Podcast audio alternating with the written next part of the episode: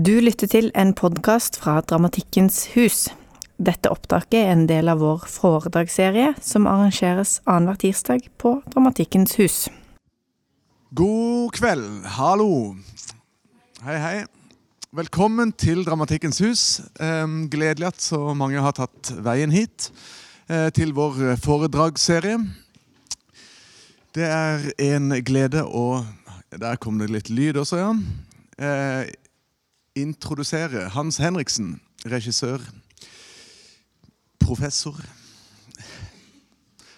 Nåværende Nuværende teatersjef ved Aalborg teater. Så um, Ja. Det er vel alt jeg trenger å si. Velkommen. Takk. Um.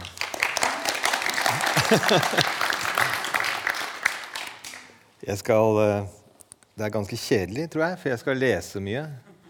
Um, det er litt sånn følelsen av å Jeg en eh, Jeg har en mor som hadde en kjæreste som var skulptør.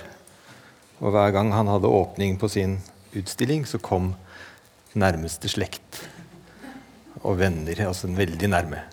Sønnen kom. Det er litt den samme følelsen nå. Jeg kjenner dem ganske godt, alle sammen. har jeg følelsen av. Jeg er ikke helt nærmeste, men relativt nær slekt. Um, ja, uh, jeg ble spurt om å gjøre dette i sommer. Um, og ja jeg og Ole kom fram til den tittelen litt fram og tilbake. Um, og den tittelen har jo da forfulgt meg siden. Uh, det har i grunnen vært ganske fint, syns jeg. Selv om det var for så vidt ikke så uh, Hva skal vi kalle det uh, Polemiserende. Jeg hadde tenkt å gjøre dette her. Men tittelen provoserte for så vidt fram en del tenkning som jeg skal prøve å lese opp her. Jeg har skrevet det eh, fort og gæli, eh, så det er ikke så veldig sånn velkomponert. Eh, det kan jo kanskje komme seinere, men jeg skal nå lese det jeg har tenkt på eh, rundt dette her i det siste. Eh, så smør det litt med tålmodighet, og så kan vi muligens prate litt om det etterpå. hvis det er noe å prate om. Ok? Eh, da jeg ble bedt om å holde dette innlegget, var det sommer, og det så ut som denne datoen aldri skulle komme. Så kom høsten, og den nærmet seg mer og mer, og jeg har derfor gått og surret med disse tingene som faktisk opptar meg i dag, og altså muligens ikke så mye i sommer, for å bruke anledningen til her å få noe ut av det som skjer med meg for tiden. Det er muligens sånne anledninger som dette her kan brukes til slikt, fordi det her er jo ikke en, en forelesning på universitetet som jeg ikke kan si at dette her måler seg opp mot. Det er ikke på de nivåer når det gjelder forberedelse og kildebruk og kritikk osv. Men allikevel, dette er hva jeg tenker på rundt denne tittelen.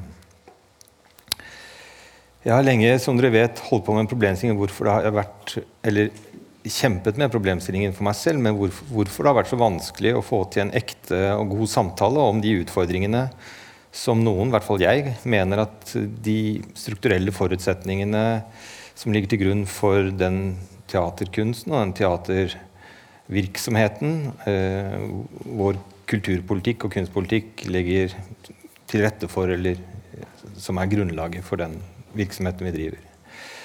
Som jeg regner med at mange av dere vet, for noen år siden så jeg, gikk jeg ut med brask og bram og store støtteskarer med en, eh, en liten eh, artikkel i Minerva som het 'Teatrene trenger store forandringer'.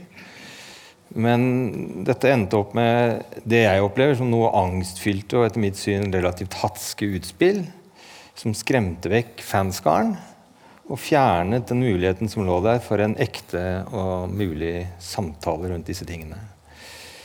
Jeg forsto ikke helt hvorfor dette skjedde. Så begynte jeg en periode å tenke på andre ting. Og det jeg da var opptatt av, det var eh, eh, geopolitikk og finans. Eh, så begynte jeg å treffe på en god del eh, ord som jeg begynte å lure på hva betydde. Um, og de ordene det er ord alle kjenner. Det er ord som nyliberalisme, nykonservatisme, New Labour, New Public Management, nye løsninger og en del andre ting. Og jeg forsto i og med at disse ordene kom hele tiden til meg når jeg leste om disse tingene, at bak disse ordene så måtte ligge dype innsikter og en stor og sterk himmel og en overbygning som jeg begynte å tenke at den må jeg forstå. Og jeg kastet meg over dette med relativt stor appetitt og prøvde å sette meg inn i hva disse ordene egentlig betyr. Samtidig med dette så leste jeg Kjartan Fløgstads siste romanserie. Jeg vet ikke om dere har lest den, men jeg skal komme tilbake til det seinere. ok.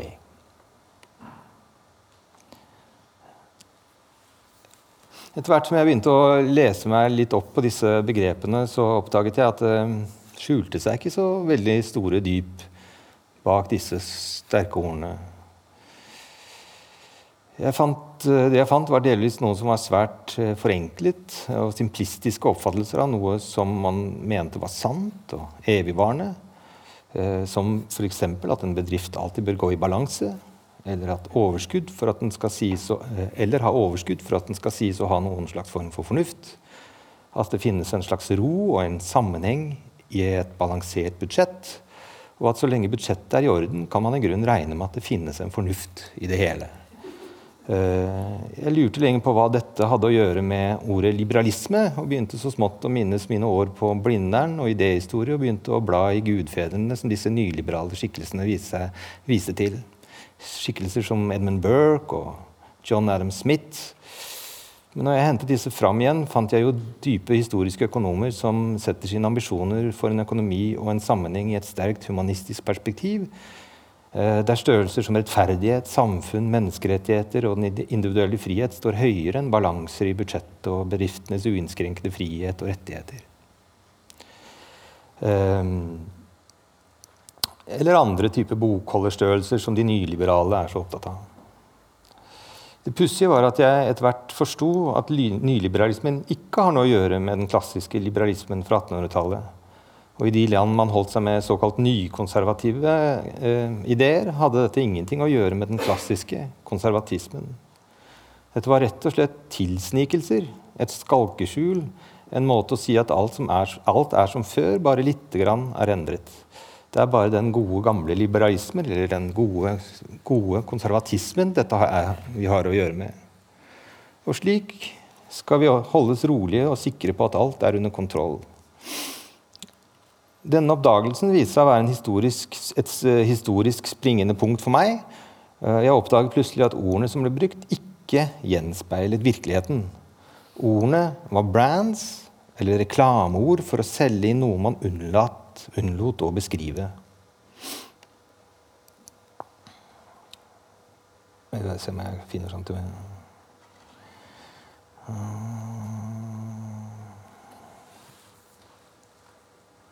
Ja.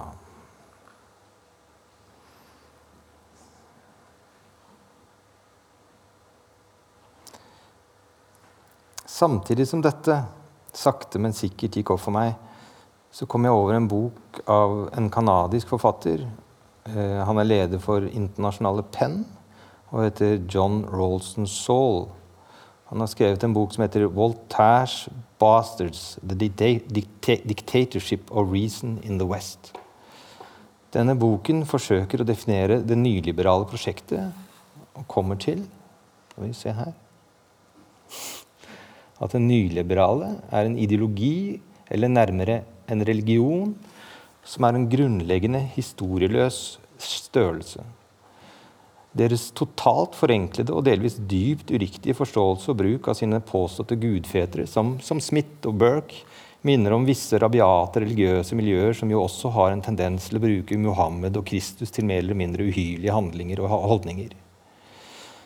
John Rolson Saul kommer til etter en gjennomgang av disse nye tingene, som han kaller dem, fordi han etter hvert nekter å kalle dem verken liberale eller konservative. Han kommer til at disse fungerer som en religion, en ideologi, som har en tro på visse svært simpliserte sannheter, som det er om at det er slik og slik man gjør det, eller det er slik og slik verden henger sammen. Saul understreker at idet man har å gjøre med slike størrelser som slik og slik er det, eller slik og slik bør det være, eller slik og slik gjør man det, så har man med en religion å gjøre, en ideologi.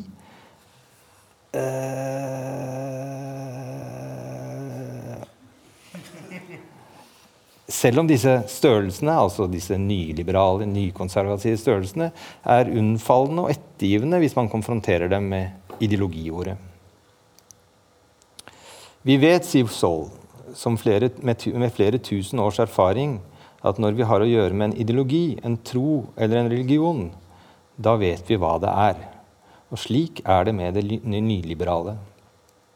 Det er en tro, en tro på svært enkle, om ikke forenklede størrelser. Og John Rolson Saul mener at denne ideologien har krøpet ut av Vestens rasjonelle bevegelse og han mener at denne ideologien har hatt en gradvis utvikling siden krigen, og at den har utviklet et såkalt ekspertvelde. Det han kaller siloer med språk og ord som bare ekspertene kan forstå og hanskes med, og at dette har med tiden tømt rommet for en større samtale om de større sammenhengene i politikken, i økonomien og i samfunnet. Han mener dette har foregått i alle samfunnets sammenhenger, men det er tydeligst hva som har skjedd med økonomien fordi den har beveget seg fra en tredjeplass, eller en fjerdeplass, på rangstigen av de viktigste størrelser til en klar førsteplass. Det som har skjedd med økonomifaget, er interessant og speiler de fleste områder. Man gikk fra en tredeling av faget mellom det han kaller aristokratiet, som drev med det man kan kalle spekulativ økonomi, dvs. Si økonomiske historikere, slike som Smith og Burke, som diskuterte og arbeidet med ulike modeller for organisering, der det var rom for uenighet og motstridende retninger og skoler. Og så fantes mellomnivået, der man har makroøkonomene, og så de laveste nivået, som han kaller filleproletariatet blant økonomene, de som leverte tall, eller leverer tall når man ber dem om det. Langsomt, men konsekvent ble det øverste laget, de spekulative historiske økonomene, renset vekk fra universitetene, og kun de to siste lagene gjenstår. Det er særlig det midterste laget. Makroøkonomene vokser. Disse faller raskt i favnen på den nyliberale ideologien, og dermed så forsvinner den spekulative delen, den som sår tvil om selve systemets beskaffenhet, som diskuterer det og kommer med nye forslag til nye og bedre løsninger. Nå er man enige om systemet. Systemet er nyliberalt, og man leter etter en karismatisk leder som kan vise vei, eller eh, eh, vei innenfor systemet. En slags Bonaparte eller en Clinton eller en Blair. For Clintons demokratiske parti, eller Blairs New Labour, er det ikke annet enn ny symbiose mellom de gamle arbeiderparti, arbeiderpartiene og finans som tvinger dem over på de borgerlige systemers eh, side og setter dem i gang og setter i gang omformingen av samfunnet etter den eneste fornuftige modell, bedriftens modell for det private næringsliv, som fra nå av peker vei, som har en iboende fornuft i sin egen eksistens og struktur. I det uh, Dere skjønner hva jeg snakker om? Skal vi se um, Nei, nå gikk jeg feil vei. Beklager. Uh, ja Omfang av samfunnet etter den uh, bedriftens modell, for det er det private næringsliv som fra nå av peker vei, som har en iboende fornuft i sin egen eksistens og struktur. Intenst nok så skal man nok se at Nei, struktur I det private næringslivets eh, bedrifts ligger Gud skjult sier Soul. Det er bare for det offentlige å be sterkt nok og intenst nok, så skal man nok se at han åpenbarer seg. Slik kom New Public Management. Slik, eh, slik forsvant troen på at kulturen kunne nå de med lavere inntekt og lavere ah, Slik kom New Public Management. Slik kom Slik forsvant troen på at kulturen kunne nå de, de med lavere inntekt og lavere kulturell kapital. Derfor startes frislippet på billettprisene, og alt dette henger godt sammen, har en trygg og fin logikk. Det er jo liberalt, dvs. Si frigjørende, samtidig som det er konservativt. Men i motsetning til den klassiske liberalismen og den klassiske konservatismen, som er grunnleggende opptatt av samfunnet, er ideologien til alt dette nye svært enkelt. Den er egoistisk på vegne av bedriften, i vårt eksempel teatrene som foretak. Det handler om makt og penger, og den er historieløs. Vi se John Rolson Saul snakker mye om hvordan vi har mistet et reelt språk som beskriver reelle ting. Han påviser hvordan det nyliberale har brukt språket til å skjule sine egne egentlige hensikter og sitt egentlige vesen, og på den måten er det oppstått et falskt språk som forvirrer og avleder, og beskjeftiger oss med det som er mindre viktig og mindre sentralt. Alt dette nye, som f.eks. New Labour, New Conservative, New Liberal, er verken nytt eller liberalt eller konservativt. Og New Labour er verken nytt eller Labour. Slik ble sentrum i norsk og internasjonal politikk nyliberal sammen. De delte grunnleggende ideologiske plattformer, og etter dette er de fleste partier rundt sentrum blitt enige om de viktigste sakene gjennom mer eller mindre kartellignende avtaler som, fjernet, som, har, som har fjernet ideologiske og spekulative debatter fra det politiske landskap. Slik har det vært i hele Vesten. I teatrene ser vi tilsvarende utvikling.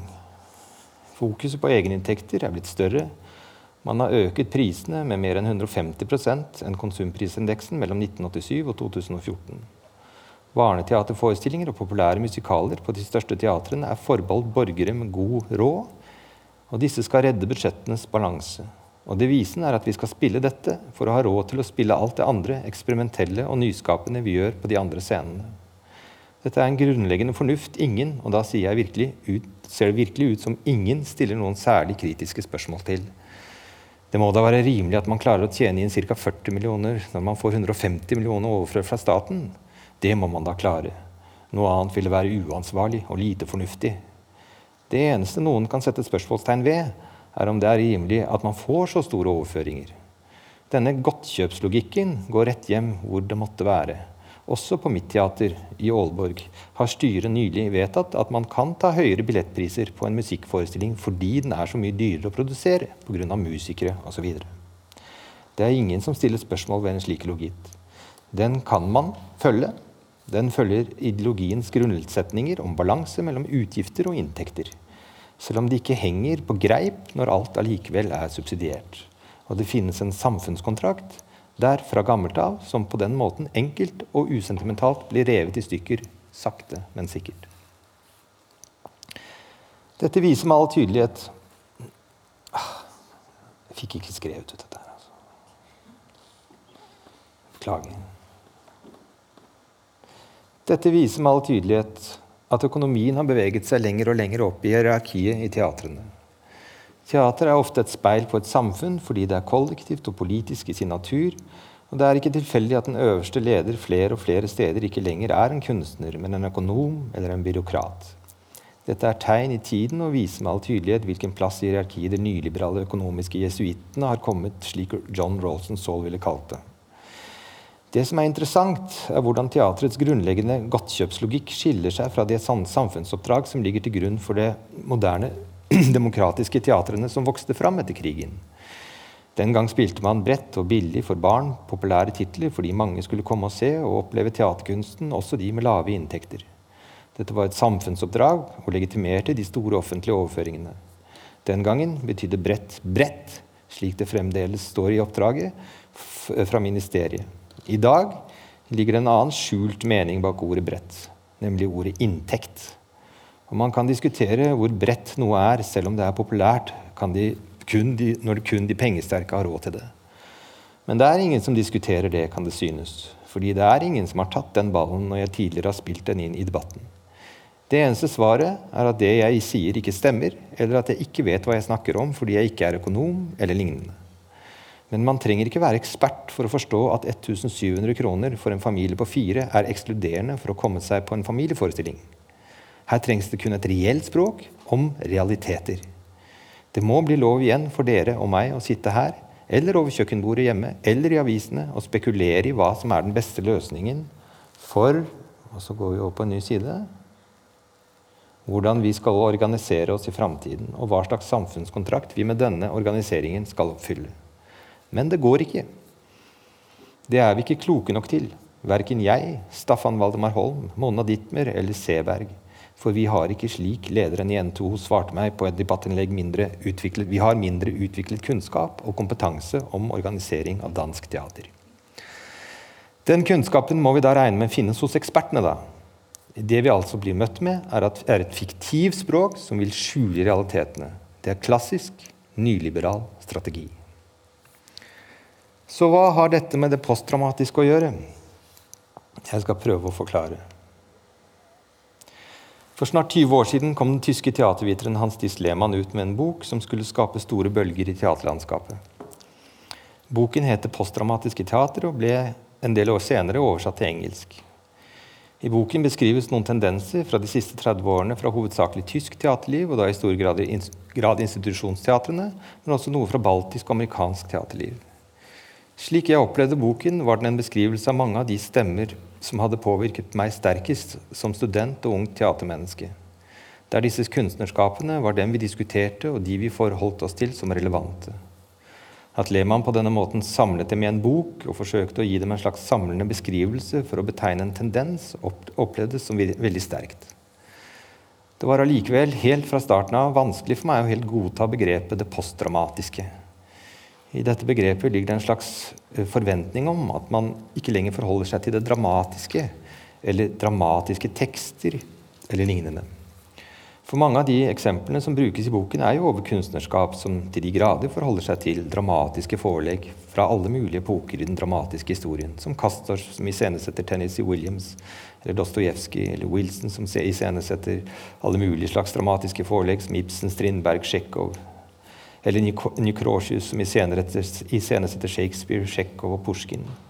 Og jeg spurte Lehmann om dette på et seminar han holdt i Oslo, og han kunne bekrefte at dette var en vanlig misforståelse rundt begrepet, og at det aldri var hans intensjon å beskrive noe som ikke forholdt seg til det dramatiske i form, av, i form av dramatiske tekster, men at hans intensjon var å beskrive en tendens til at teatret i større grad var blitt opptatt av selve teatersituasjonen, selve eventet, og at det, det kunne frem, det, og, det, og, det, det kunne framfor å fortelle en rett fram historie med en spennende dramatisk utvikling.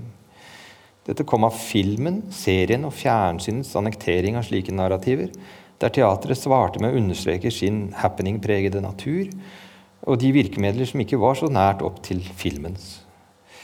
Med disse forestillingene, for, uh, med, disse forestillingene men disse forestillingene forholdt seg i stor grad fremdeles til dramatisk litteratur og dramatiske forelegg. Og jeg følte meg den gang tilfreds med hans svar, men opplevde en relativt stor forvirring rundt hovedbegrepet det postdramatiske i miljøene rundt meg. Man begynte å snakke om dette som en egen og lukket størrelse. Og det fantes ett postdramatisk teater og et teater som var ikke-postdramatisk, og da gjerne gammeldags. De postdramatiske var de nye, den nye vinen og assosierte seg med Heine Müller, Gissenskolen og performance. De ikke-postdramatiske var de som beskjeftiget seg med klassisk teaterutdanning, drama, handling, gjennomlevelse eller andre utgått på dato størrelser. Her kom det nye, her kom det som skulle fornye og omskape.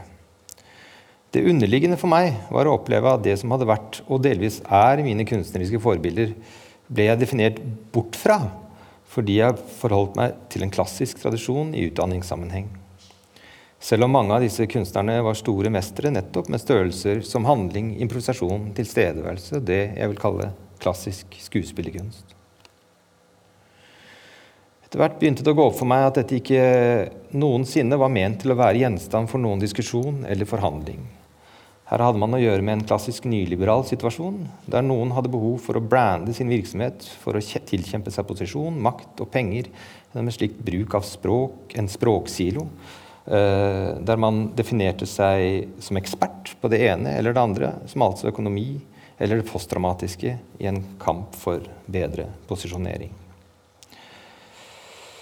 Nå, etter at jeg er blitt teaterdirektør, er dette tydeligere enn noensinne. Jeg får daglig søknader fra skuespillere, regissører og scenografer som forteller om sin kompetanse.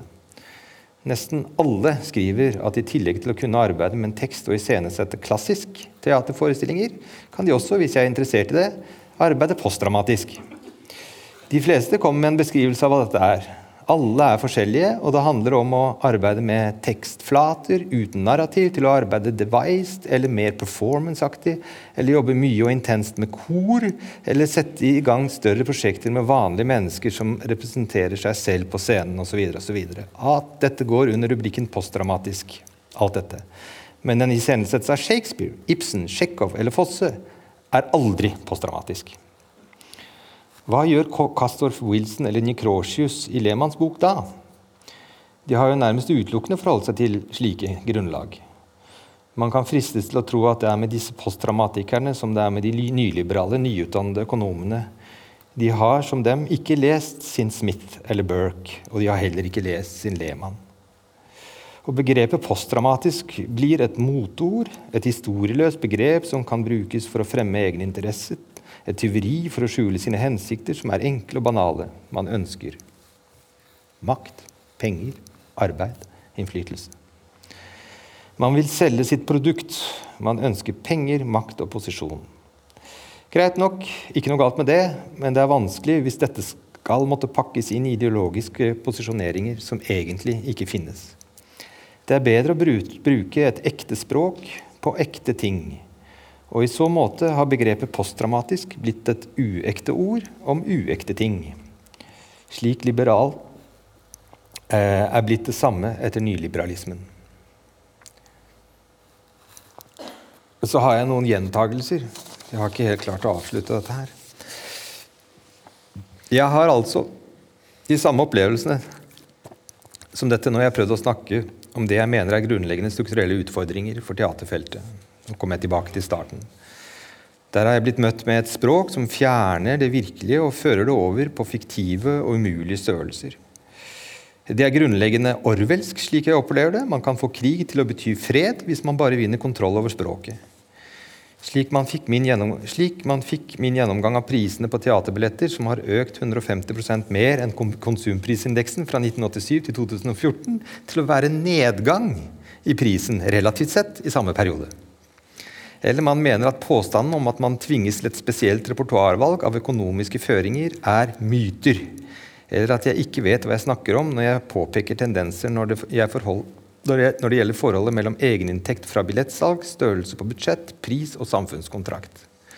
Man har på denne måten kolonisert den overordnede samtalen om kunstartens plass i samfunnet, og overlatt dette til spesialistene og teknokratene og gjør det umulig for dere og meg å sitte her og mene noe om det fordi det er utenfor vår fatteevne og vår kompetanse. Dette er et utsalg. Dette er et utsalg av diskurs, av kunstarten, av relevansen og helheten, og den vil føre det vi, til det vi ser i Danmark i disse dager, der man har sette ut disse analysene til konsulentfirmaet Deloitte, som konkluderer med de mest hårreisende forslag til hvordan Det Kongelige Teater skal effektivisere. Det er ren bedriftstenkning, et rent utsalg av samfunnskontrakten som, som, som har båret teatrene siden krigen. Jeg har påpekt at dette langsomt har foregått i det skjulte i mer enn 30 år.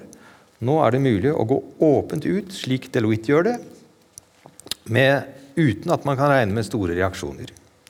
Denne tenkningen er nå blitt religion, den har sine prester og sin liturgi. Det er en ideologi med sin egen utopi, og vi er mer eller mindre alle fanget i, all, i dette paradigmet. Min mening er at dette nå synger på det siste verset, og ideologien viser klare tegn på å ha mislykkes, og det er vår oppgave å vinne tilbake den store samtalen om sammenheng, historie, samfunnskontrakt, funksjon og innhold. Og Da nytter det ikke for oss å drive med små interne intriger mellom det dramatiske og det postdramatiske, det frie og det institusjonelle osv. Dette er avsporinger. Det distraherer i beste nyliberale tradisjon fra den egentlige oppgaven å gjenvinne definisjonsmakten over feltet. Det var det jeg hadde å si.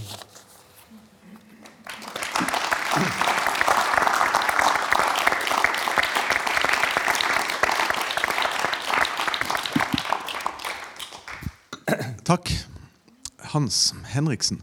Um, ja, som sagt, dette er, er en mikrofon. Um, er det noen som har lyst til å benytte seg av den?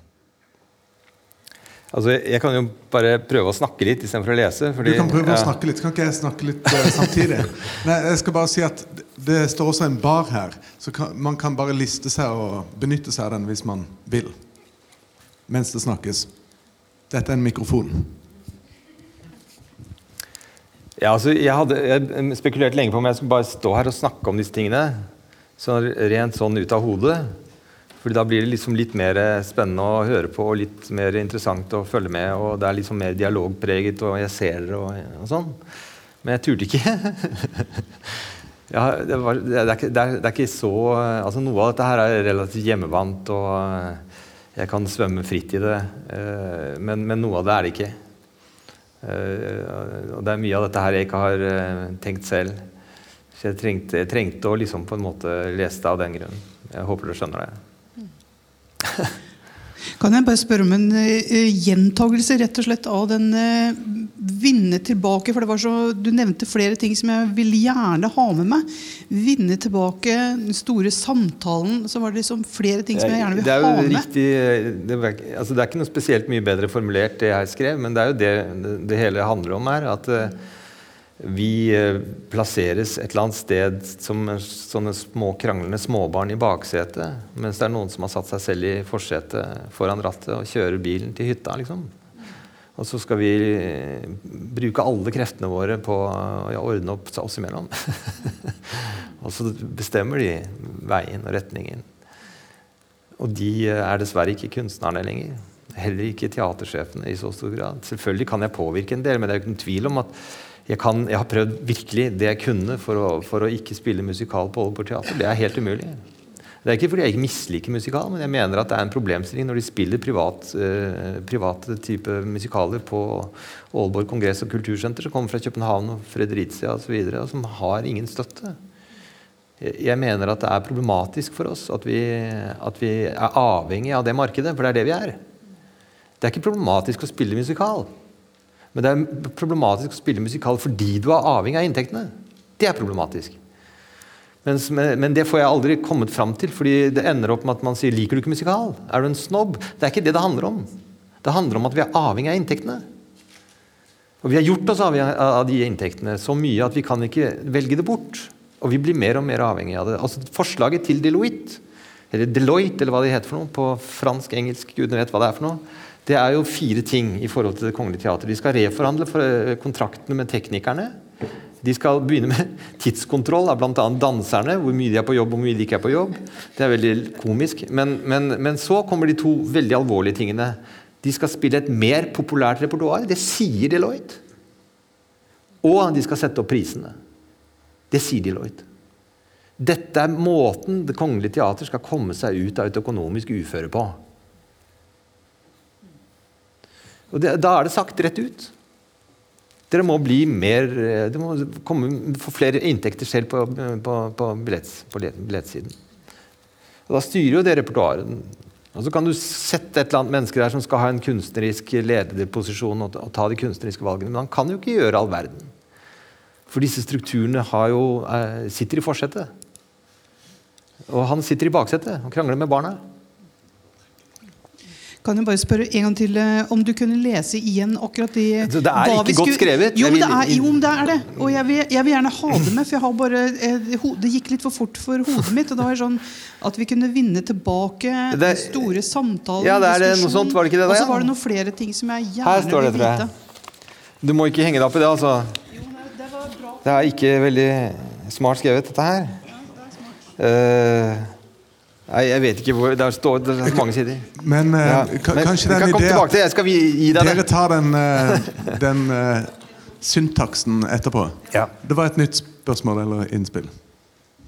Hei, eh, takk for fint innlegg. Jeg, jeg, tenkte jeg ville spørre litt videre om dette her med inntjeningen og programmeringen, som du nevner. Eh, og dette med musikalbruk i den øyemed. Eh, jeg oppfattet i hvert fall noen si i, i norsk eh, sammenheng at dette med at det er et paradoks at man har f.eks. private teatre som Folketeatret, eh, som har sant, private inntekter, og at, at man har teatre som Norske Teatre, som programmerer inn musikal, eh, men da med statlige eh, midler. Eh, og hvordan kan man forklare det at, at man plutselig får en konkurranse, eh, altså konkurrerende virksomhet fra eh, et statlig teater med eh, finansiering fra statsbudsjettet i forhold da til Folketeatret, som er privat inntjening, hvor da Folketeatret klager på at staten eh, vrir konkurransen. Altså det er også en sånn altså, noe som har oppstått. Jeg, jeg, skjønner spørsmålet, tror jeg. Uh, altså, poenget her er at Erik eller jeg eller Hanne Tømta eller hvem det skulle være, kan ikke gjøre det annerledes. Så kan du si Problemet ligger ikke på Det Norske Teatret, hva de gjør og hvordan de velger å gjøre sine øh, øh, valg. Uh, disse valgene ligger i strukturen. Uh, og Det er klart at uh, det finnes alltid gråsoner, og spesielt i dette eksempelet her så er det massevis av gråsoner. Men det jeg problematiserer, er altså ikke Det Norske Teatret eller for så vidt Oslo Nye Teater som er et mye sterkere eksempel på den problemstillingen du snakker om, egentlig. Eh, eller for så vidt eh, det jeg har skrevet masse om eh, prisene på eh, egne forestillinger på Nationaltheatret. Det er jo ikke det at de gjør de valgene jeg problematiserer. Det er det at de tvinges til å gjøre disse valgene, som jeg problematiserer. De har ikke noe valg til å la være å gjøre de valgene. Og det er det, det er det, som er samtalen, og den ligger altså over Hanne og Erik og meg. Den ligger på, på, et politisk nivå, eller et kulturpolitisk nivå. Uh, hvor man må få til en kulturpolitisk debatt om samfunnskontrakt, f.eks. Og hva dette her egentlig er for noe. Og Da går man rett inn i denne ideologiske problemstillingen. Nemlig at uh, jo, dypest sett så er dette her svindyrt, og det skal være gratis, nærmest. Det er som biblioteker. Det er den grunnleggende samfunnskontrakten. Men vi har alltid hatt en eller annen mindre del av dette som også har vært egeninntekt for, for teaterne i større grad enn for bibliotekene. Men den har bare sakte, men sikkert økt uten at noen har problematisert det. Pga. disse nyliberale tendensene, den nyliberale fornuften som oppstår i det øyeblikket man mener at det som tjener seg, eller kaster av seg, har inntekter, har en høy pris, og som noen kjøper, så har det også en høyere verdi. Så Det er den samtalen som er den, den store og viktige samtalen som, som vi som ikke får til, rett og slett. Den, den, holdes ikke. Det er ingen som vil ta den. Nå har jo Solhjell også så jeg gått ut her i Norge med og sagt at er, man må slutte å snakke om penger. Man må ikke slutte å snakke om penger. Det handler om penger, selvfølgelig, men det handler om mer enn bare hvor mange penger det er. Det handler om i hvilken sammenheng og hvorfor penger. Men hvis man bare begynner å snakke om penger, så er man selvfølgelig taff, da kan de jo bare gjøre det som de har gjort med Oslo Nya. Men tjen dem selv, da. De kommer jo. Eller gå til et eller annet som de sier i Danmark nå, et eller annet fond. Ja, det nye nå er jo det, det, det, er kommet en bok fra en som heter Have, som sitter på Det Kongelige Teatrets eh, styre, som har skrevet en bok om den nye gullalderen. Og da er det altså sånn at Man må regne med at den offentlige støtten til kulturinstitusjoner den avvikles sakte, men sikkert. Det må vi bare innse at den er avviklet. Men det store håpet ligger i strategiske samarbeider med de private næringsliv. Og da har du det fantastiske eksempelet Case, som alle snakker om nå i Danmark. Det er at Tuborg har subsidiert et band med en bandbuss. Og det får det bandet på, ut på veien. Og, da er alt på en måte i orden. Altså, det er den store fremtiden. Sånn, sånn, det kan man bare regne med at man skal leve av. ikke sant? Og så beskrives dette som, altså, i min verden, også det som våre kulturminister driver med her, i forhold til dette med sponsing og at man skal tro at det skal komme så store penger eh, eh, rennende inn. Det, det, beskriver egentlig bare en, et hysterisk blindspor. Altså, man begynner nå å skrive bøker om hva skal vi kalle det erotiske fantasier om penger som kommer fra, uh, fra, fra, det private næringsliv. Det er jo nærmest liksom kan du si, det er, det er, det er jo det er, det er slags som fantasidrømmer. Og som de skriver seriøse bøker om, og de får massevis av oppmerksomhet. Og vi som skriver disse tingene her i politikken og andre steder i Danmark, vi får ingen. Uh, så, så, vi får små spalteplass. De får hoved, hovedsaken. Ikke sant? Det er ikke noen tvil om at dette her er en religion. Eh, ja. Eh, takk, Hans, for et eh, framstått som veldig gjennomarbeidet, syns jeg. Så det var veldig interessant. Takk. Eh, jeg skal være litt eh, polemisk, jeg, som jeg pleier, for ja. å se om vi kan få litt eh, Fart i dette her? Eller, ja, eller, Nei, jeg er enig med deg mye, men jeg, jeg vil prøve å se på noen av de begrepene og noen av tolkningene dine fra en litt annen vinkel. Jeg tror jo at eh, den ene biten handler om penger, som du sier. Og eh, sånn som situasjonen er i Europa i dag, eller Vest-Europa, eller noe sånt, så kommer det ikke til å komme mer penger til kunst. Det er helt eh, enda mer sikkert enn det som dansken sitter og spår. Og da blir for meg et av hovedspørsmålene blir ikke hvordan kan vi fortsette å diskutere at vi skal få mer penger når vi ikke kommer til å få det. Altså, da må man vende diskusjonen. Det som jeg syns at eh, innlegget ditt et eller annet sted viser, er at det du kan kalle den nyliberale eh, religionen har annektert teaternes produksjonsmetoder. Eh, og da blir spørsmålet Kan man bekjempe det gjennom de samme metodene, gjennom de samme organisasjonene, gjennom de samme strukturene, som nå gradvis har blitt tilpasset akkurat en sånn form for eh, bedriftstenkning? Da er mitt, liksom, mitt første enkle svar på det er nei, det kan vi ikke. Eh, og i den grad så kan du si at jeg er helt enig med deg at det postdramatiske er altfor sånn vid betegnelse, og den misbrukes av veldig mange. Men et eller annet sted, hvis du ser positivt på det, så går det også an å si noe om at den samtar opp i seg veldig mange tendenser som nettopp har kritikk av det markedsliberalistiske prosjektet som en hovedidé.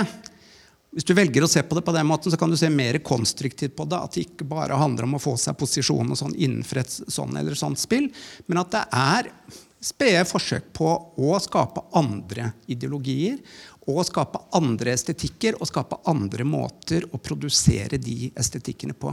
Jeg tror ikke man kan skille de tingene. Jeg tror ikke man kan ønske seg tilbake til 70-tallet, at det skal bli billig å gå på barneteater. eller noe sånt.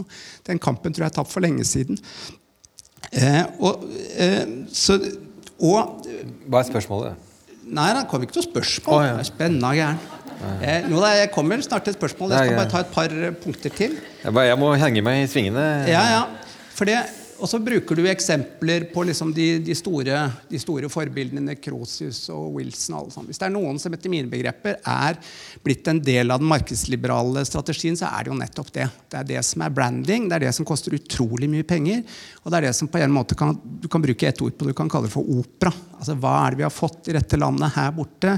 Akkurat der hvor Delotte, eller hva de heter for noe, og revisjonsfirmaene som ligger, det er en ny operabygning. Opera er liksom eksempel, etter min mening, på akkurat liksom nyliberale drømmen om totalt kunstverket.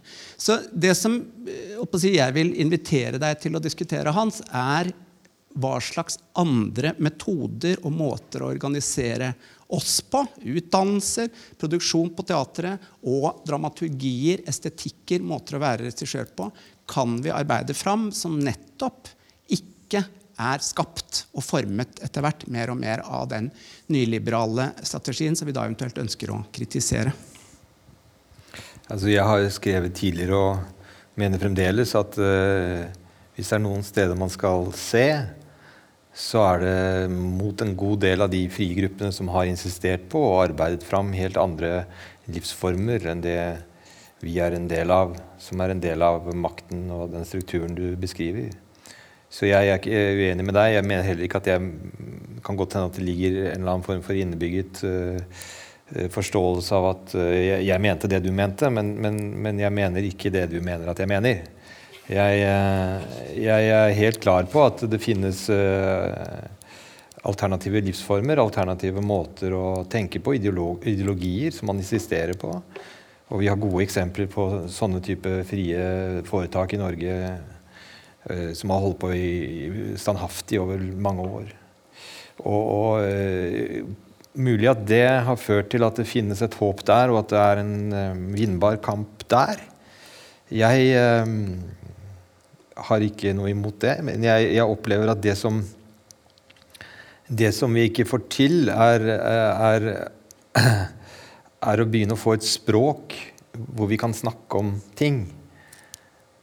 Bare rett og slett de tingene slik de er, uten å bli viklet inn i eh, kan du si, valgkampslignende, maktretoriske blindspor som skal føre til at den ene eller den andre blir satt ut eller vinner eller taper osv. Det er ikke mulig. Jeg tror at en del av dette, i tillegg til det du nevner, disse alternative rommene, som noen klarer å skape seg, eh, og som, som bare skal bejubles, men jeg tror i tillegg til det så trengs det en diskurs og en samtale og ord og formuleringer og samtale, rett og slett, på disse problemstillingene.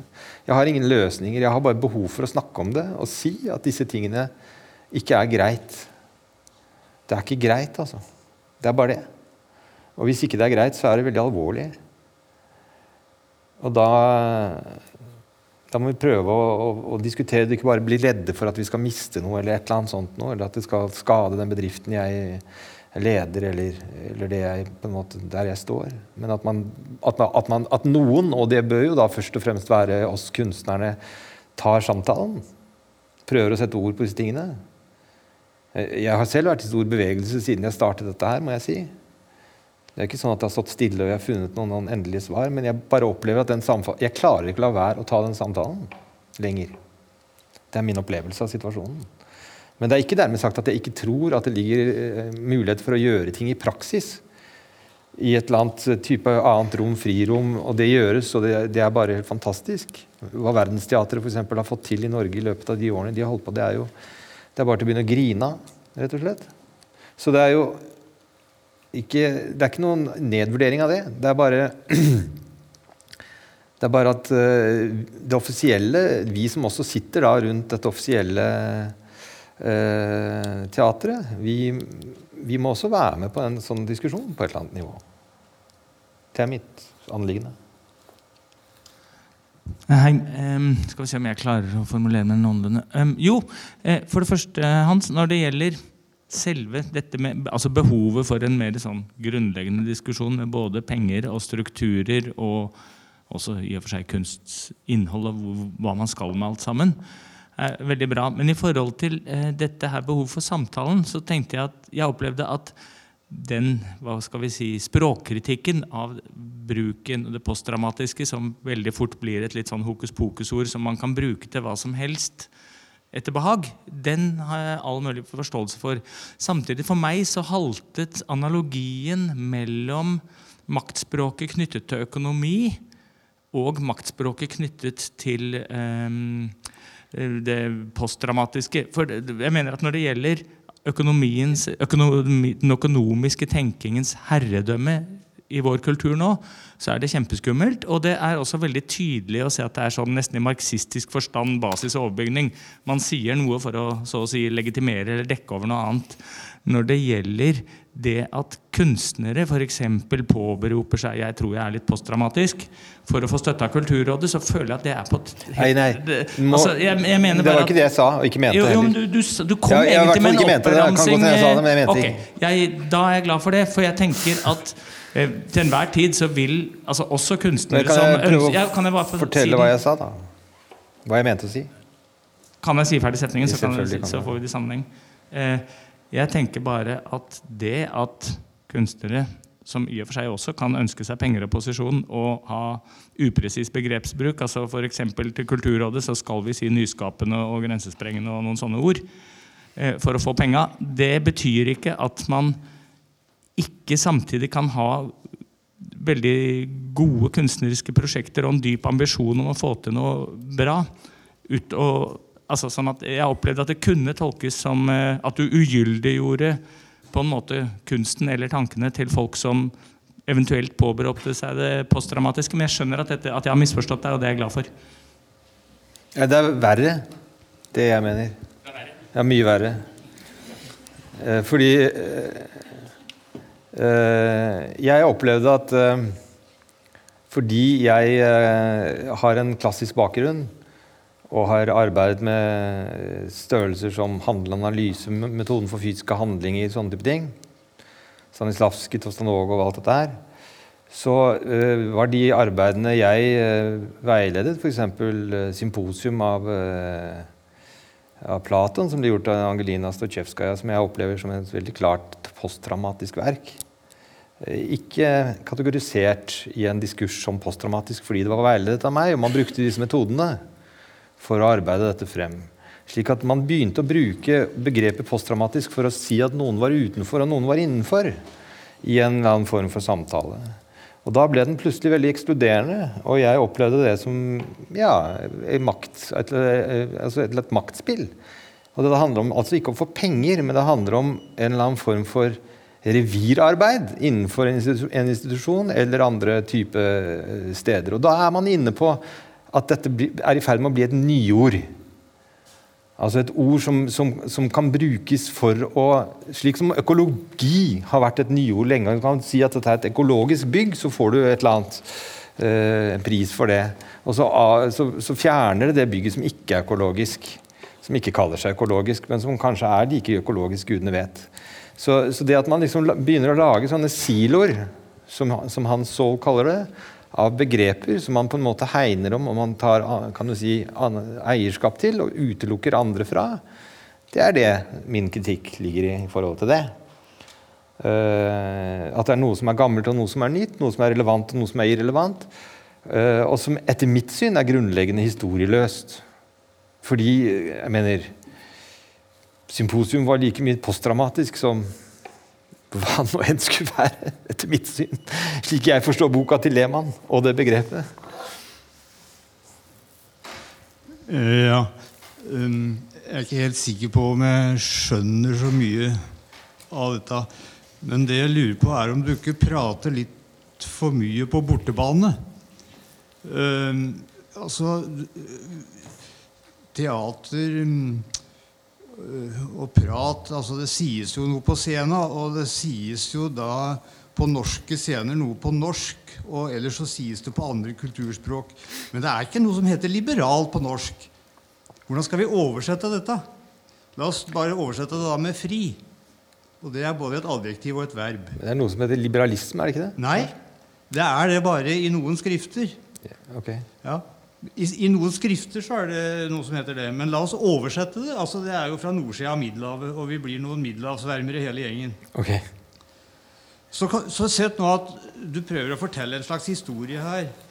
Sett at du fortalte den til noe, en gjeng med uh, dramatikere, eller wannabe-dramatikere, som kunne skrive et drama om striden mellom de nyfrie og de gammelfrie. Og hva er de gammelfrie frie til, og hva er de gammelfrie frie fra? Og hva er de nyfrie frie til, og hva er de nyfrie frie fra og til? Ja.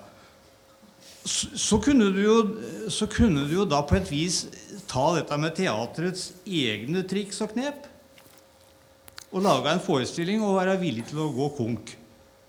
For hvis du ikke risikerer noe, så vinner du jo ikke noe heller. For, no, for sånn som du snakker nå, så er det på en måte Sånn går nå skravla i, vår, i våre dager. Så hvordan få i gang en annen skravl? Det er jo forslaget til eh, Kai her. Det, det er jo det du foreslår, at man istedenfor å skravle som jeg gjør, så skal man lage alternative rom, alternative eh, kan du si, ideologier som er gjennomført i praksis. Ikke så gærent. Ikke, ikke, ikke, så gærent. Nei. nei. Ta det litt eh, langsommere, litt saktere og litt mer smått. Ja. For det er jo rom. Det er jo steder, og det er jo folk. Så det er, jo, det er jo teaterscener, det er jo teaterhus, det er jo teaterbygninger. Alt dette fins jo. Men det er ikke sikkert det fins gode tekster. Gode skriftstykker som skal dramatiseres. Som kanskje kunne tvinge diskusjonen da over i litt andre uh, I et annet vokabular, et annet ordforråd, som kunne også uh, framføres eller kroppes.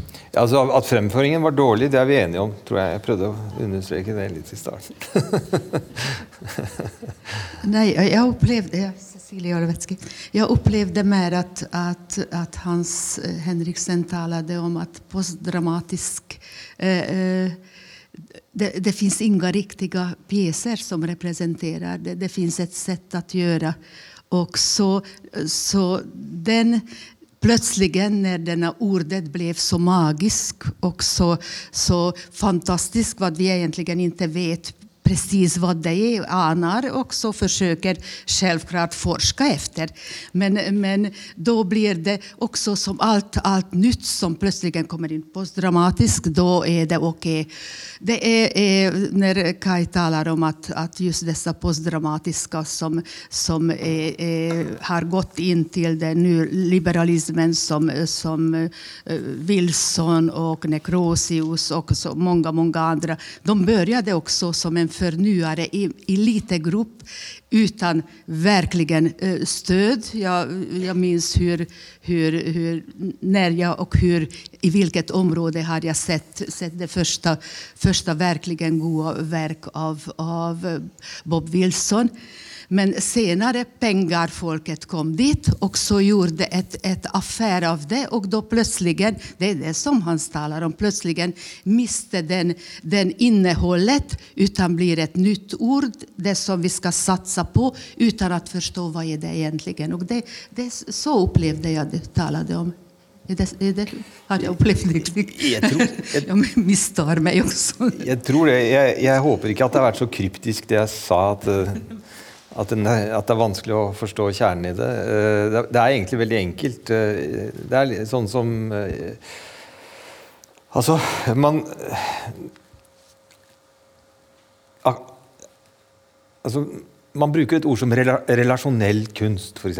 Relasjonell, relasjonell teater som noe som tilsynelatende for mange oppleves som en ny ting. Men altså Hva var det som ikke var relasjonelt ved det Molière gjorde? Altså han, Når han spiller misantropen og spiller Alcest selv etter å ha skrevet uh, Tartuffe i Paris selv, med de skandalene som lå rundt ham, med ham, hans person, hans politiske meninger, alt som var rundt hans skikkelse, så setter han i scene seg selv som Alcest i Misantropen. Hva er ikke relasjonelt ved det? Hva, hva, hva, er det som ikke er selviscenesettende? Hva er det som ikke har noe med disse størrelsene å gjøre? Uh, som liksom ha, ikke ha noe med det å gjøre. Det skal være, det skal være så liksom utdatert eller gammelt. Eller, jeg opplever at det, mangler, at det mangler kunnskap om disse tingene. Og at man snakker om ting som om det skulle være nye ting, altså nyoppdagede ting, som kaster det gamle på, på båten. Det er det som er problemet med det nyliberale, nemlig at det er, har manglende historisk kunnskap om de tingene de mener veldig mye sterkt om. Det har ikke Lehmann når han setter, skriver denne boken sin eller bruker dette begrepet. Det er ikke der problemet ligger. Det er ikke i det postdramatiske som sådan, slik jeg opplever det og forstår det slik jeg har lest det i boken hans. Men det er hvordan disse begrepene får et liv som blir på en måte ødeleggende mer enn det blir byggende. Eller samlende. Eller skapende. Hei, mitt navn er Jade, og jeg er utdannet fra Akademi for scenekunst og kommet til våres. da. Så jeg er ung og ny og fikk Hans eh, Tis sin bok første året mitt. Og gikk gjennom en stor uh, forandring og metamorfose rent eh, skuespillermessig. Um, det, når folk spør meg oh, du er posttraumatisk og avantgarde, oh, hva er det du besitter, så er det egentlig i mine øyne veldig enkelt. Og det er at um, en posttraumatisk utdannelse ga meg egentlig bare mer uh, tro på mine autonome egne valg. Um, selvfølgelig vil alle skuespillere og kunstnere være løver og, og modige, men men jeg merker at spesielt i teater så skal du være veldig flink til å hyperspesialisere deg og være steril og korrekt og historisk bevisst. Eh, du skal gjerne vite om de store mesterne før du har en mening selv, mener jeg. Så um, nå som jeg er utdannet og ute i det frie feltet, og uh, Kulturrådet er min potensielle arbeidsgiver, og jeg er nødt til å uh, formulere meg uh, til Kulturrådet eller gå til institusjonsteaterne og få jobb der, så merker jeg at um, Kulturrådet krever at jeg er veldig uh, smart. intelligent, eller noe sånt. Uh, det er i hvert fall min følelse. Og så at uh, institusjonsteaterne vil at jeg skal danse og synge og, og ha hele pakken. Nå snakker jeg ekstremer for å spare tid, men jeg lurer på det fins en større innsikt, en mer verdenshistorisk innsikt for skuespillere. Gjør det ikke? Det er jo vi som står på scenen og som skal formidle disse historiene. Så vi har ganske mye makt. Når jeg jobbet på Göteborg Stadsteater i min eh, eh, prakti praktikk på skolen, så jobbet jeg der i tre måneder og lot merke til at skuespillere har veldig mye makt. Mm, De blir behandlet veldig pent også. Mm, så kanskje det ligger noe der, da. Hva, hva vil du si til oss nyutdannede skuespillere? Nei, bare apropos eh, makt. Jeg var eh, forleden på Skuespillerens makt. Eh, på et sånn møte på Det Kongelige Teater. Eh, og snakket med min tidligere eh, Altså han som var på Aalborg før, som nå er sjef på, på Det Kongelige. Og på Det Kongelige Teater i København, som da har overføring på hva er det for noe, 500 millioner, eller hva det er for noe. eh, det er både opera og ballett, selvfølgelig. Så har han store problemer med å klare å få lov til å ha et ensemble på 17 skuespillere. Eh, det er klart at når man ser det nye bygget der, og de sidescenene og bakscenene og den jeg vil kalle det nærmest armeen av folk som går rundt og flytter på ting og gjør ting der. Og, man ser det er ikke mulig for Det Kongelige Teater å sette opp forestilling med mer enn 10-11 skuespillere. Det er maks på hovedscenen. Fordi de har ikke råd til å leie inn disse kunstnerne. Så er det klart at de 10-11 skuespillerne de er eh, kjente og kjære og, store stjerner, og de har selvfølgelig makt som personligheter. Men altså Det er solgt ut, altså. Det er noen helt andre som sitter på makten. Så øh, i, Norge, altså, I Norge så har vi jo en litt annen situasjon fordi man har i mye større grad forsvart ensemblene og de faste stillingene og disse gamle strukturene som ligger i, i disse gamle fagforeningsvinningene som har vært fra tidligere tider. Så, så der kan man si at skuespillerne har beholdt mer av sin makt enn det man f.eks. har i Danmark, hvor dette er mer eller mindre solgt helt ut. Og da har de vel selvfølgelig makt i, i form av å bare være kunstnere og kunne da tillate seg å ha et frirom og, og, og, utnytte det som man selv vil. Og da har man jo makt, hvis man da sier fra da, og tør å si fra og gjør, gjør ting. Eh, så har man jo så mye makt man selv vil definere det. Men, men, min opplevelse er jo ikke at det er så veldig mange som tar det. Men, men det er noen, og som Kai sier, det er, det er nok mye der. Eh, et eller annet form for lite håp ligger. Men jeg har i hvert fall et, et, et, en eller annen form for tro på at en, også en, det som han Sol sier, at det vi må gjøre nå, er jo på en måte å gi reelle ting reelle, et reelt språk. Og, og, og begynne med det arbeidet. Hallo. Hei. Ja, eh, nå er jo jeg langt fra eh, teatersjef, så jeg lurte, hadde et par spørsmål om det. Eh, jeg lurer på eh, Når du sier at eh, hvis man skal programmere Når man programmerer teatret og så Hvis man sier da Man kan jo ikke beregne publikumstall konkret på forhånd. Man vet ikke hvor mange som kommer. Hva man pusher pusher det i retning og, og ljuger til disse økonomene. Og sier at, at, du har mye større tro på publikumstallet til, noen, til en forestilling enn en den trolig vil få. Og si Nationaltheatret går i underskudd, så du synger.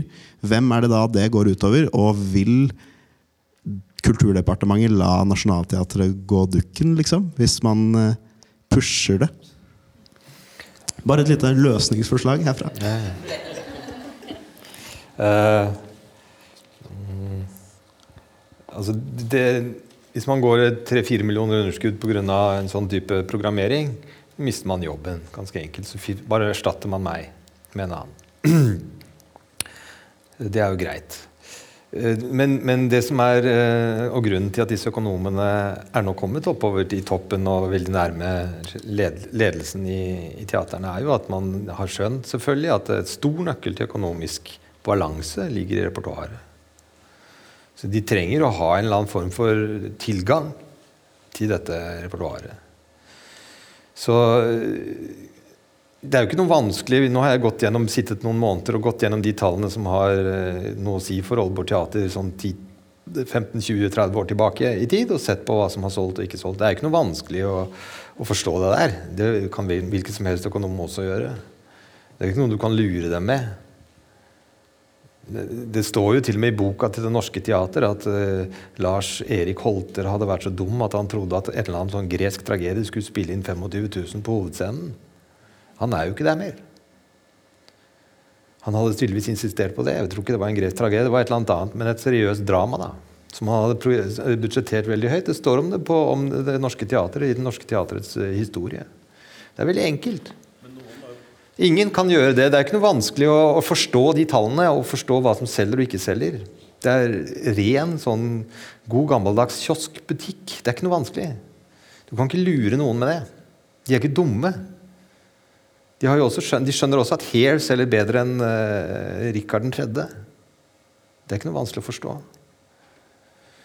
Så, på, på, så, så poenget er bare at uh, og, det, og, hvis, det, og hvis, hvis, jeg får det gjennom, og, og, det går med underskudd, så er jeg ute av butikken, og så finner de en ny som, som, er villig til å sette opp den forestillingen jeg ikke var villig til. Så, så, så det er ikke en strategi, altså, etter mitt syn.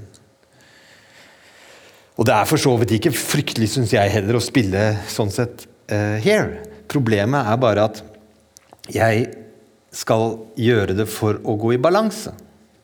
Jeg, skal, jeg, kunne godt tenke meg å gjøre det som en antikrigsforestilling i dag. Et viktig tema, tross alt. Vi er inne i tredje verdenskrig. Etter mitt syn. Ja, um, du har vært god, og, uh, god til å brende hans. Overskriften på, på, foredraget ditt er den beste jeg har hørt på lenge. den har fått meg på senga i mange uker.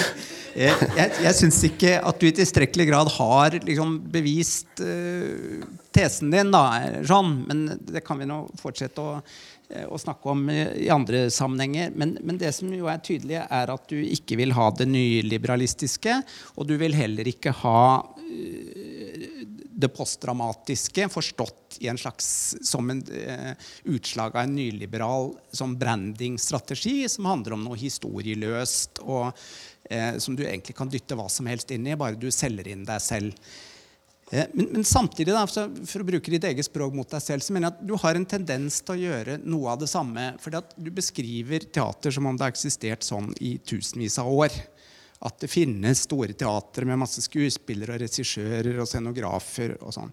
Det er et fenomen som har eksistert i 125 år.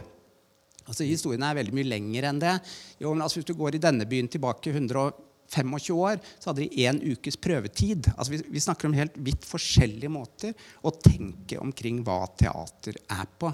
Det jeg sier, er ikke sånn Skal vi alle lage verdensteaterteater? eller noe sånt nå? Jeg bare sier at hvis du skal komme lenger enn en slags sånn allmenn politisk kritikk av nyliberalismen, så er vi også nødt til å se på måten vi produserer på, måten vi organiserer oss på. Vi kan ikke Du trenger ikke å være marxist for å eh, mene at vi kan, ikke, vi kan ikke skille det ene fra det andre. Men, det er selvfølgelig hva du putter jeg skal snart bli ferdig, det er hva du putter inn i et system, definerer hva som kommer ut på den andre siden. Og hvordan du definerer systemet, det definerer i like stor grad hva det er som kommer ut på den andre siden. Eh, og, Stopp nå, for jeg klarer ikke å følge med. Jeg skal jo svare også. Eh, kan ta ordet etterpå.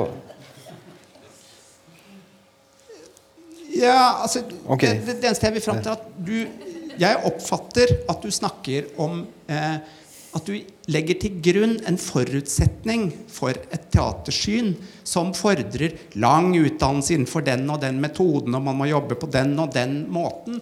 Og så snakker du litt foraktfullt om det relasjonelle. Altså, Overhodet ikke foraktfullt. Alt, alt, dette handler om strategi for å gjenvinne en måte å gjøre teatret. Eh, lettere på, ikke avhengig av de klassikerne som nyliberalismen for lenge siden har kjøpt opp, men å finne andre strategier for å kritisere det samfunnet man ser rundt seg. Det var det jeg ba deg om å kommentere rundt, ikke hvorvidt verdensteater er bra eller ikke. Altså Jeg har ikke Altså, jeg var dypt beundret altså, av beundring for Lehmanns bok. Og kan bare stille meg bak det han beskriver, og hans for, forhold til det han beskriver, og hva, hvor han plasserer det hen, og, og det hele. Jeg, har, jeg, er der, og var der også før jeg leste den. Den var en åpenbaring fordi den traff så presist. Boken, det han beskriver, det han vil, har ingenting med min kritikk av eh, det postdramatiske å gjøre. Det har du sagt selv, og det er ferdig med det. Når det gjelder relasjonelle, så er det helt det samme. Jeg har ingen problemstilling rundt det. Jeg bare har behov for å si at disse tingene fantes og finnes kan du si, i en slags form for linje.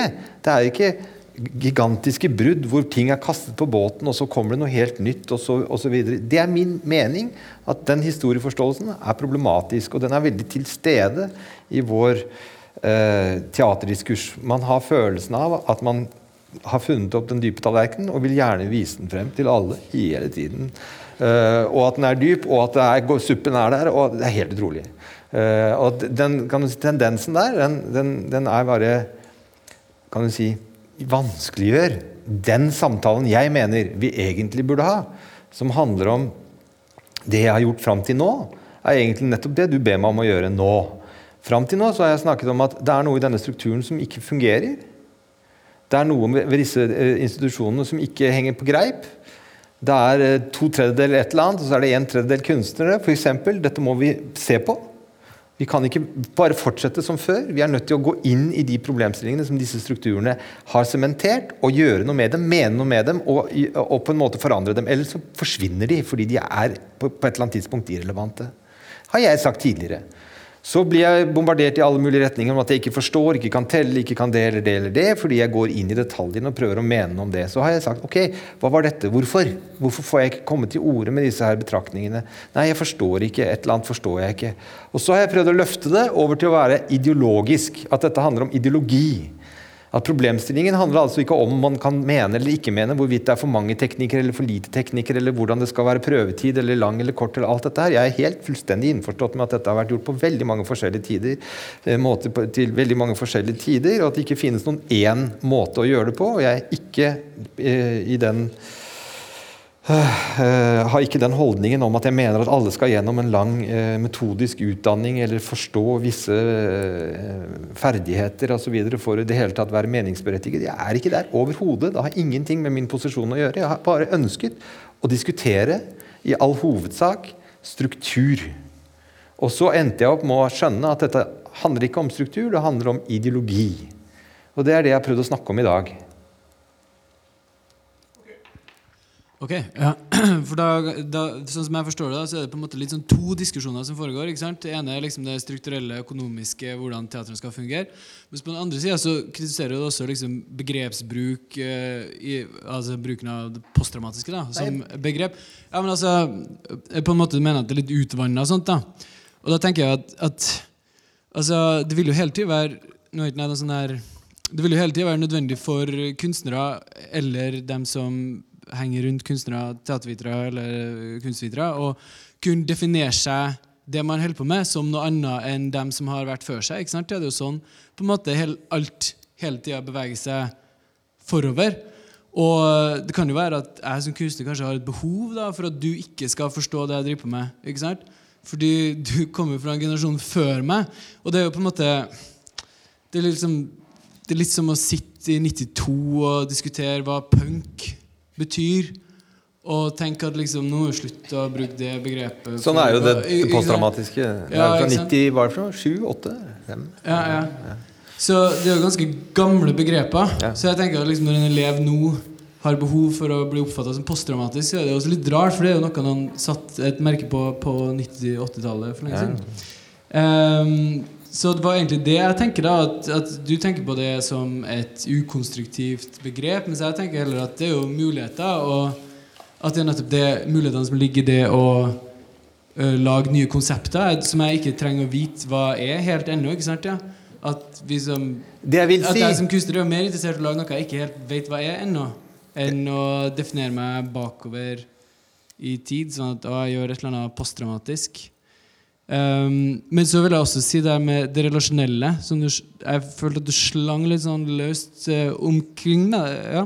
For det er jo også et sånn 90-tallsbegrep. Relasjonell estetikk. da Og det handler jo rett og slett om at altså de, Han peker på en gjeng med kunstnere som problematiserer og jobber med altså menneskelige relasjoner. Det er det kunstverket. Det er det, og det tilhører ikke teaterspråket heller, for det hører jo hjemme i kunstverdenen, hvor man går fra altså, Der du virkelig kan peke på det som vanligvis har vært kunstobjektene. Ja, skulpturer, bilder eller installasjoner. Til at liksom, nei, men hva med kanskje det at vi sitter her ved siden av hverandre, og det her rommet her kan være kunstverk òg. Og det holdt jo ikke Molière på med. Han var jo ikke interessert i det.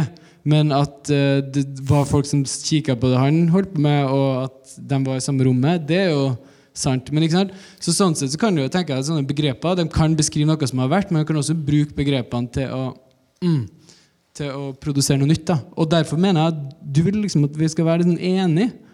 Virker som at liksom, ja, men vi, ah, vi lager jo alle teatre, vi er alle enige om hva som, at, at det er det som er viktig. Men jeg tenker at uh, vi må jo kunne være veldig uenige i hva vi liker, da, og hva vi mener er bra. Jeg har ikke lyst til å lage likedan teater som Ole Johan, liksom. Og da kan, eller, altså, men da kan det være kult å kunne si liksom, Nei, du gjør det, og jeg gjør det her. Og, altså, Vi trenger ikke å være enige, da. Men, Jeg bare s- svare. Jeg bare svare på det. Du må svare på det. Jeg, jeg, jeg mener ikke at vi skal være enige. Eh, Jeg mener bare at kan du si, en del av denne dette, disse typer diskusjonene eh, om begreper eller strategier eller nytt eller gammelt osv. er avsporinger. Eh, De er ikke så, bruk, vi bruker for mye tid på det. Jeg ønsker at vi skal prøve å bruke tid på en viktigere samtale, som handler altså om ideologi for hele samfunnskontrakten for denne kunstarten vår. Og at den har med de strukturelle politiske forholdene vi opererer under. Den samtalen, som egentlig typisk sett handler om kulturpolitikk på et eller annet nivå, ganske enkelt. Det er det ingen av oss som driver med. Vi driver med alt det du sier. Eh, og det skal vi for så vidt fortsette med, men vi bør ikke bruke alle kreftene på det. Det er bare det, egentlig. Um, jeg tenkte på det at uh, når, eh, altså når man først skal snakke, så får man så hjertebank. Da husker man ikke noe av det man har tenkt. Jeg vet det. Ok, jeg tenkte på det eh, her eh, strukturelle. Og så jeg har prøvd å liksom følge de her tankene dine. Du har jo snakket om det ganske lenge. Eh, og at jeg føler også at jeg ikke får noe sånn ordentlig tak. At det, blir, at det liksom fiser ut i noen eh, rare vinkler, den her diskusjonen. Em, og så har jeg tenkt veldig mye på det med strukturer i samfunnet, og når du snakker om at det ikke har noe historisk ved seg, den her liberalismen, og at um, um, jeg tenker at den kanskje har det. At den, det systemet har brukt veldig lang tid på å vokse fram. Den kapitalismen og liberalismen som den blir kalt, og, og kan ligne på andre systemer eller andre strukturer som religion eller andre sånne overordna strukturer som eh, ledere har skapt. Sånn som kristendommen, f.eks., som ble bestemt på kirkemøtet i Nikea fordi at man trengte å ha kontroll over folket og ha balanse. Så eh, makt de som sitter med makta hele tiden, trengt å ha den balansen og, og ha strukturer for å, å opprettholde balanse med oss mennesker som er bare dyr. Så at den diskusjonen går egentlig mye dypere enn å snakke om teater. eh, Men egentlig hva det vil si å være menneske, og hvordan vi strukturerer samfunnet vårt. eh, Og at, eh, at denne, egentlig denne eh, diskusjonen her minner mye om hvordan man har snakka om miljøet. Hvordan man har snakka om at vi må forandre hvordan vi bruker miljøet og bruker eh, ressursene våre. Eh, og at ikke før man så at faktisk går verden under hvis ikke vi forandrer hvordan vi bruker ressursene, er også det med kapitalismen og liberalismen, eller det, det opplegget der, at vi eh, kanskje ikke før det bare krasjer av seg selv, som de jo har holdt på å gjøre noen ganger, så kan det forandres. og hva det vil vokse fram da, er jo også noe Så egentlig har liberalismen kommet helt naturlig.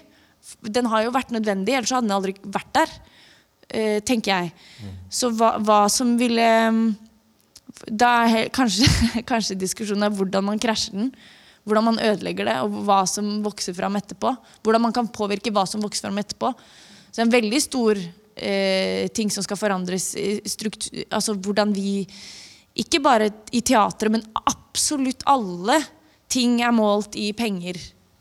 Hvordan vi ser Selvbildet vårt er målt i penger. Absolutt alt. Så eh, ja, at den eh, Du har bare dratt den inn i teater, men den handler jo om veldig, veldig mye mer. Ja. Hva jeg tenkte på.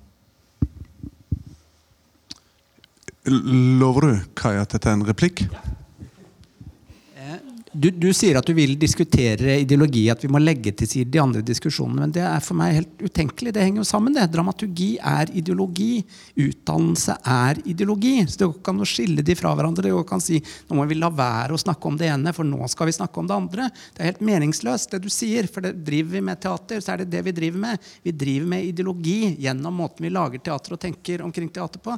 Og det er da faktisk det vi kan også noe bedre enn å, øh, enn å diskutere på det nivået. Ja.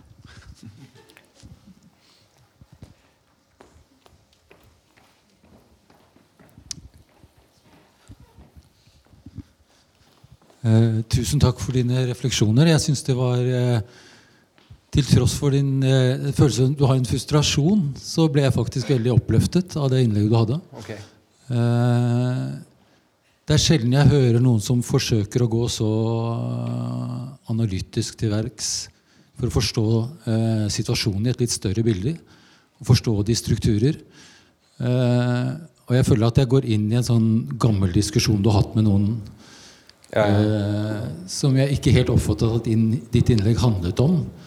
Eh, Ah, her, i den samtalen? Ja. Eh, fordi jeg, jeg tenker at eh, eh, du, du prøver å forstå de litt større strukturene og, eh, en s- og se teater i en større sammenheng. eh, Og oppfordrer kunstnerne til å også gjøre det.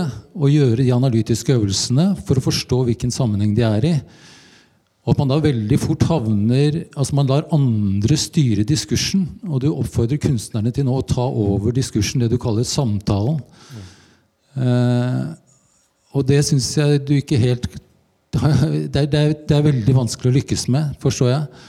Eh, men jeg tror det er utrolig viktig. Eh, og at det da For jeg, jeg føler at veldig mange går litt gamle spor. Typisk nå at Kulturrådet er ute og skal ha en sånn konkurranse om kvalitetsdefinisjoner, f.eks., er litt i den samme gamle eh, definisjonen hvis liberalistene og, og politikerne er interessert i kvantitet. Eh, så Et stort spørsmål er kanskje sant, kan kunstnerne overta diskursen om kvantitet, ikke bare snakke om estetikk og kvalitet. Eh, men det er jo et stort spørsmål. altså Da er vi oppe inne i sosiologien og markedsføringen og Bourdieu. og eh, Men det hadde vært et interessant og kanskje spennende prosjekt. En nydefinisjon av kvantitet i en kunstnerisk sammenheng. Eh, den er jeg gjerne med på, hvis det er noen som klarer å dra i gang den på en god måte.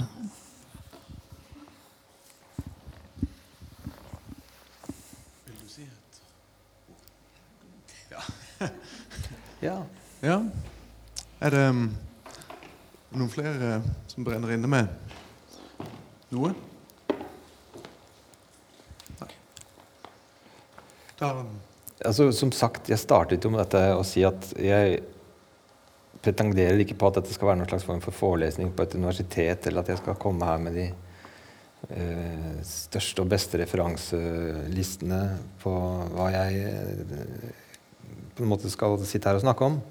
Jeg understreket at dette er bare en slags form for eh, opportunistisk bruk av et rom for å åpne opp hva jeg driver og tenker på for tiden. Kun det. Ingenting mer, altså. Og jeg har, kan du si, møter jo dere i en slags form for eh, sammenheng hvor jeg har vært en del av en eh, offentlig debatt i teatersammenheng som jeg regner med at en god del av dere vet om. Og det er selvfølgelig en del av denne, eh, dette møtet for meg. Eh, jeg eh, er kjempeinteressert i å diskutere alle mulige slags små detaljer om estetiske strategier og andre ting. Men jeg også og mener at vi blir lurt til å ta de store kampene våre der. Og så har vi altså brukt veldig liten tid på det jeg prøvde å snakke om i dag. Og jeg mener at det er en del av en tid og en problemstilling som er alvorlig for oss. Hans Henriksen.